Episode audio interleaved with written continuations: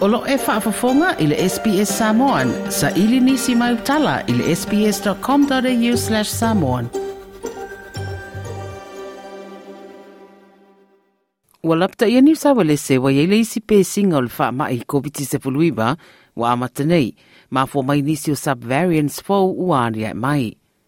o le vaega le soifua malolōina ua latou toe faamanatu mai le valaau leai tagata ia faia o latou tuipuipui fa po o boosters ma iai se fuafuaga lelei e faataatia ina neʻi aafia i le faamaʻi i lē oo mai ai foʻi o le vaitau o aso malōlō e toʻatele tagata i sini ua latou faailoa i le sps news ua sauni e faia se malōloga i le taimi lea o aso malōlō o le taumafanafana e ui le faaauau pea ona ia o le faamaʻi Just finished year 12, so want to just celebrate and have fun.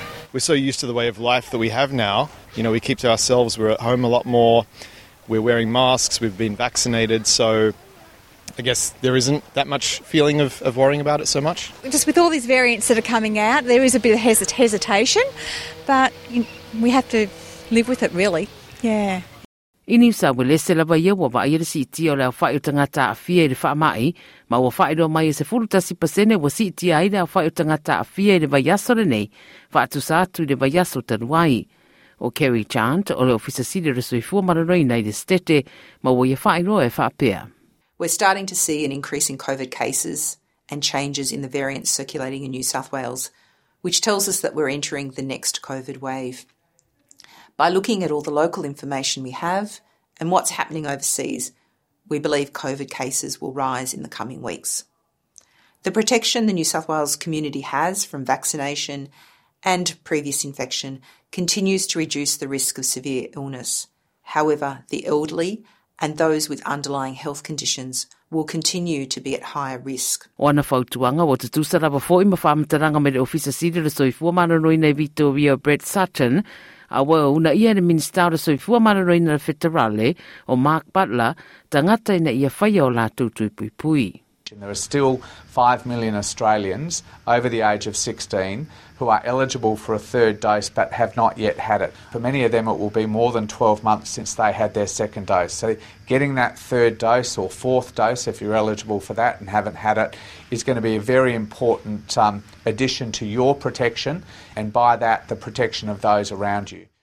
O subvariants 4 e pe o le XBB, BQ.1 ma le BQ1.1 wa fuafua subvariants ia o le a matele na taatele le atunu. Fai mai le WHO po le whaarapaputonga o le soifua maranoina i le rarangi i le teminei e le o yeini whaamaoninga e tinga i nātu subvariants ia na no le Omicron sa mua ia a fia i le totele. O se whaamtaranga mai a Catherine Bennett o le epidemiologist o le mai le Deakin University, wa ia tau ai o le lui tau mai subvariants phobia o le fesuisu ia ai o i tu ai ngā virusi.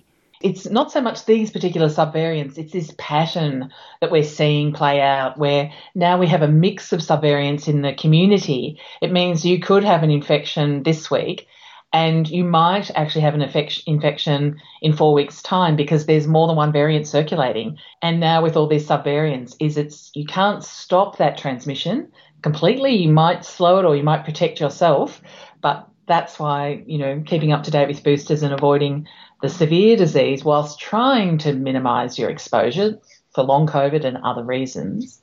That's why all of that is is important. So the concern here is in the the evolving story, not so much these specific variants. I si su e su enga sa whātautaia mai te tono lea tunu uai no ai, e si dia mare rua wa e tolu o tangata Australia wa a fia i re COVID se furuiwa. A e ono māwarunga atu le numera nei tamaiti, e mai se rava tamaiti re i whaini tupui pui. O Dr. Achana Lorala, o le whaarurunga o le su su enga sa whaia, wa taula e tamaiti mai le pepe whātu a whanau mai, a ngā i re se furuiwa tausanga. sanga. And in fact, what we found was that a lot of kids who were who didn't even know that they were infected have antibodies. And this is really important to, to understand things like severity of disease and hospitalization in children. So we know that children usually have mild infections, but when we looked at when we look at hospitalization data, we now know that hospitalization rates in children are even lower. And that really emphasizes the fact that yes, we've had SARS-CoV-2 around, most kids have become infected, but they've done well with it. Whai mai ai o le su su enga wai no ai o samples o toto tamaiti wa mai ona whai atui pui pui o lo i ai na malo losi o immune systems no na winga wa iei antibodies o i rato tino e te te e atuai i le vai rusi. O le ripoti sa tu fatsia Lin Evlin o le SBS News ia mawhaandiwi na fo i molosi i le fia i le tātou ngana. Toe fia whaafafonga i nisi tala whaapea? Whaafafonga i le Apple Podcast, le Google Podcast, Spotify, ma po o whea lawa e mawailau podcast.